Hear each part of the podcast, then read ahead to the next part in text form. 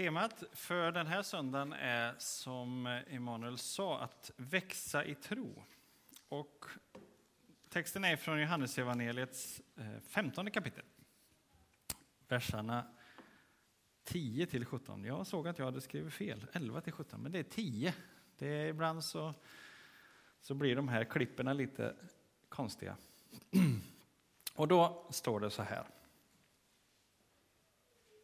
Jag kan vänta så får ni bläddra färdigt. Det är prassligt. 10 till 17. Johannes 15, 10 till 17.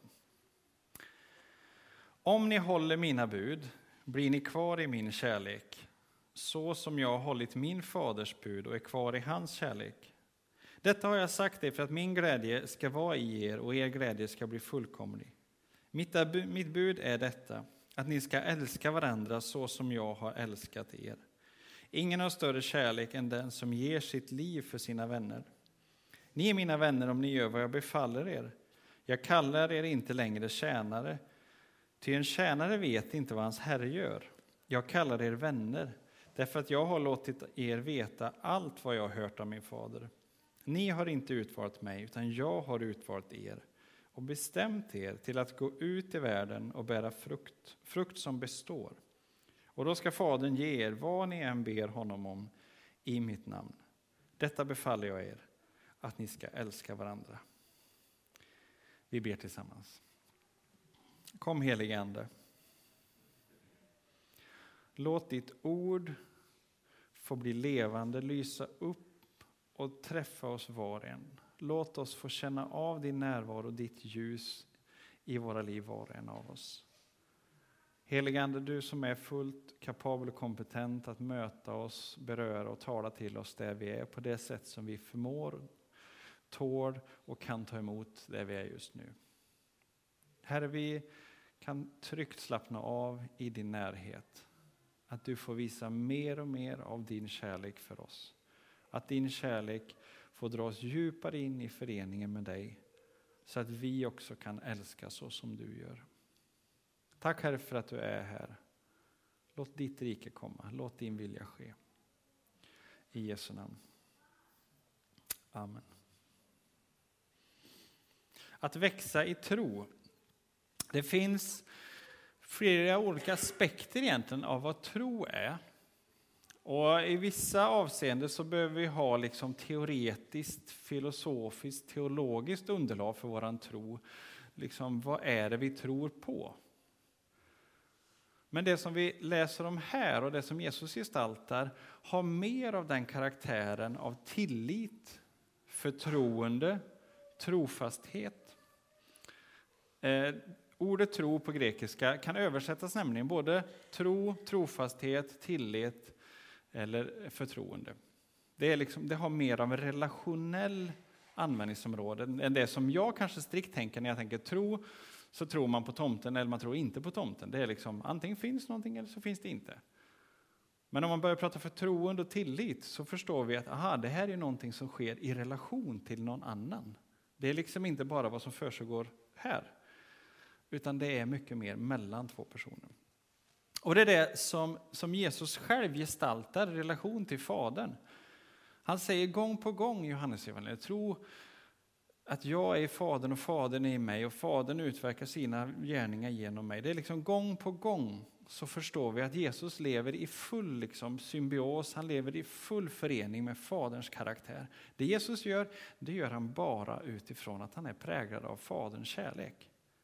Inte någonstans så finns det liksom en skillnad, diskrepans eller någonting som skaver, utan han är alltid helt förenad med Faderns karaktär. Och så där så definierar också Jesus vad kärlek är. Ingen har större kärlek än den som ger sitt liv för sina vänner. Vi kan ju stundtals prata lite slarvigt om vad kärlek är, om man älskar olika saker. Jag har haft en, en, stor kris i veckan som har gått, därför att popcornen var slut. Jag älskar popcorn och när jag väl hittade en mikropopcornpåse så var den skämd. Så jag försökte halva skålen och kände att det går inte. Så jag slängde det till hönsen. Det var nästan så inte de heller ville ha det. Så förstår ni hur illa det var. Liksom. Så jag kan ju lite skämtsamt ibland säga att jag älskar popcorn. Och jag vill verkligen ha popcorn. Men det är ju rätt så futtigt att använda egentligen det ordet älska i relation till det som Jesus pratar om här. Ingen har större kärlek än den som ger sitt liv för sina vänner. Det är lite dignitetsskillnad, eller hur? Och där kan vi ibland behöva liksom backa hem och fundera på ja, men vad är egentligen den stora kärleken. Ja, Jesus definierar den här. Den stora kärleken är att ge sitt liv för sina vänner. Och det här har ibland missbrukats. Ehm, jag läste häromdagen, inte minst under första världskriget, så fick mängder av soldater höra det här. Och man blev kommenderad att, att liksom offra sitt eget liv. Och det var ju miljoner människors liv som gick till spillo. Det är inte heller vad den här texten säger. Men Fadern, jag tror att ni känner igen det här bibelordet. Ty så älskade Gud världen att han gav den sin enda son för att de som tror på honom inte ska gå under utan ha evigt liv. Där har vi Faderns karaktär, Faderns kärlek som älskar den värld som är så bortvänd från honom många gånger. Men Faderns kärlek vänder inte tillbaka från världen. Den är alltid fixerad på världen, på oss, som hans älskade. Och därför sänder han Jesus. På samma sätt Jesus, han är fylld av Faderns kärlek. Han är liksom Faderns kärlek konkretiserad över världen. Så älskar Gud världen. Och Jesus ger sitt eget liv för oss, för dig och mig. Där har vi kärleken definierad. Det är ingenting som sker av tvång, det är ingenting som sker liksom motvilligt från Jesus sida, utan ger det av fri vilja. Det är inga konstigheter så långt. Men hörde ni det? Om ni håller mina bud blir ni kvar i min kärlek. Och här är vi lite ovana, att det finns liksom en, ett, ett villkor för Guds kärlek. Då kan man lätt tänka sig att ja, jag måste göra vissa saker för att uppnå kärlek. Nej, det är inte det Jesus säger. Om ni blir kvar. Att bli kvar någonstans, det innebär att man först är där, eller hur?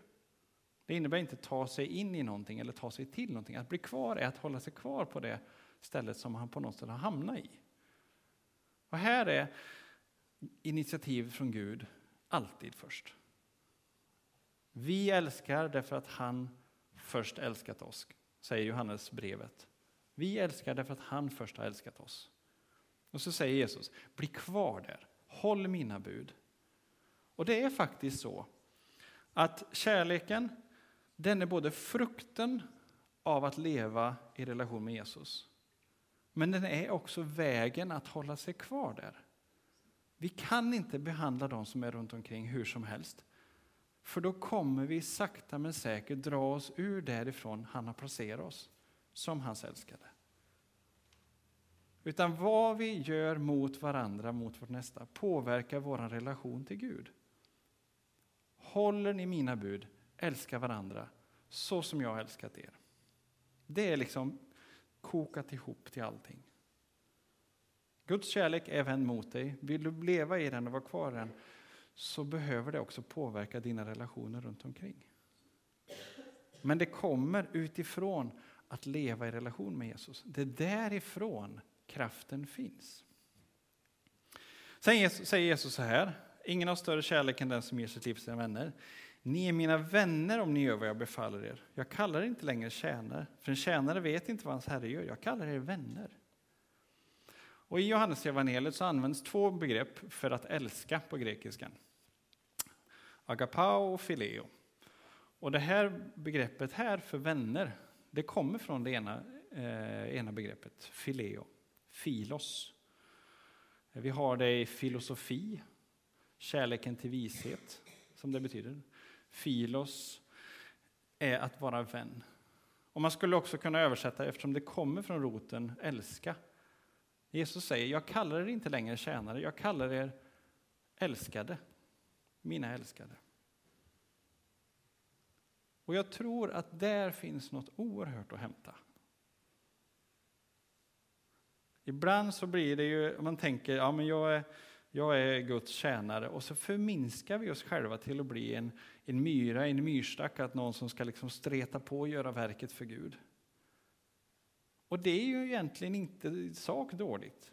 Men om du gör det utan koppling till att vara hans älskade, så kommer det till slut komma en, en smak av jag känner mig utnyttjad, jag gör bara det här för plikttrogenhet, det finns liksom ingen glädje kvar i kärleken, vart har den tagit vägen? Jag gör bara detta för det ska göras. Där är risken att man hamnar. Men du är inte hans tjänare, du är hans vän. Du är hans älskade. Direkt ifrån Faderns kärlek till Sonen, genom Sonen till oss. Där är han. Det är hans kärlek. Så det handlar om att, att positionera sig eller att fortsätta stå kvar i det som Gud gör för oss. För det kommer påverka relationer runt omkring. Bara några korta ord innan vi ska avsluta om det här med att växa i tro. Växa i tillit, växa i förtroende. Hur växer du i tillit till andra människor? Ja, det är utifrån erfarenheter av att den personen gör gott mot dig. Eller den personen visar sig trogen, visar sig trofast. Den personen visar en karaktär som du känner, ah. Och så växer förtroendet. Och så vågar man luta sig mer mot det förtroendet. Om den personen fortsätter så växer förtroendet igen. Och så kan förtroendet liksom stärkas om man lutar sig mer och mer mot den personen. Precis så är det med Gud också. Och Det finns ett par olika källor som, eh, som leder oss till att få ökad tro, ökat förtroende för Gud. Det ena är det som vi fick ta del av er, vittnesbörd och berättelser. Det här har Gud gjort för mig. Det här har Gud gjort genom mig. Det här gör Jesus genom mig. När vi hör vad Gud gör så växer förtroendet av vem han är. I en värld som på många sätt är, är mörk delvis så blir det liksom ljusglimtar som lyser upp hans karaktär, Guds godhet, Guds generositet, kärlek och nåd för oss. Och så har vi ordet som också är egentligen ett, ett förlängt vittnesbörd. Där vi får berättelserna, där vi får Jesus vittnesbörd om vem Fadern är. Det gör också, om vi matar oss med de berättelserna, så gör det också att vårt förtroende för honom växer, våran tro växer. Det handlar inte bara om att fylla liksom huvudet med information, att det ska lägga varje tvivel åt sidan. Nej, att växa i tro, förtroende, tillit till honom, det är att se och förstå mer av hans karaktär. Det handlar egentligen om att flytta fokus från mig till honom. Det är han som är stor, det är han som har resurserna, det är han jag kan lita på, det är hans allting. Så att växa i tro handlar egentligen ganska lite om dig själv. Visst är det skönt? Och det handlar om att få en större bild av Jesus. Och en större bild av Fadern genom honom. Man kan inte tvinga någon att älska någon. Och vi vet allihop att det inte är enkelt. Men det är liksom inte lösningen att säga okej, okay, det här går inte. Utan lösningen är att söka Jesus. Det kan låta klyschigt, det kan låta fromt, det kan låta... Ja, fast det är sant. Om jag på riktigt ska få förvandling i hur jag lever runt omkring, då måste jag också få förvandlas av hans blick på mig. Det går inte annars. Du kan inte rycka dig i kragen, du kan inte klara av det. Det måste tas, ifrån, tas emot av honom först. När han får göra något i vårt hjärta, då händer det grejer. Och det får vi liksom stå kvar och gå i den linjen. Det är ett måste. Men det går inte vid sidan av Jesus. Det gör inte det.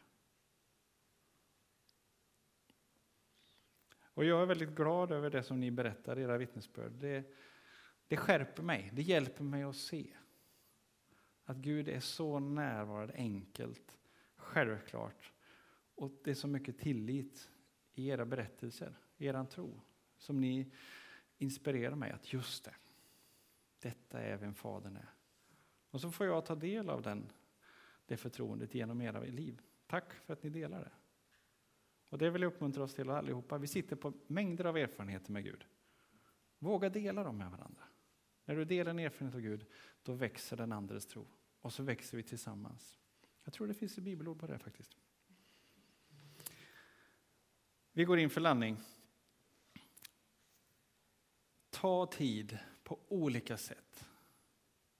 Låt ordet få finnas med i din vardag. Låt förtroendet få växa i läsningen om vem Jesus är och vad han har förklarat för Fadern. Det är där allting börjar. Låt oss be.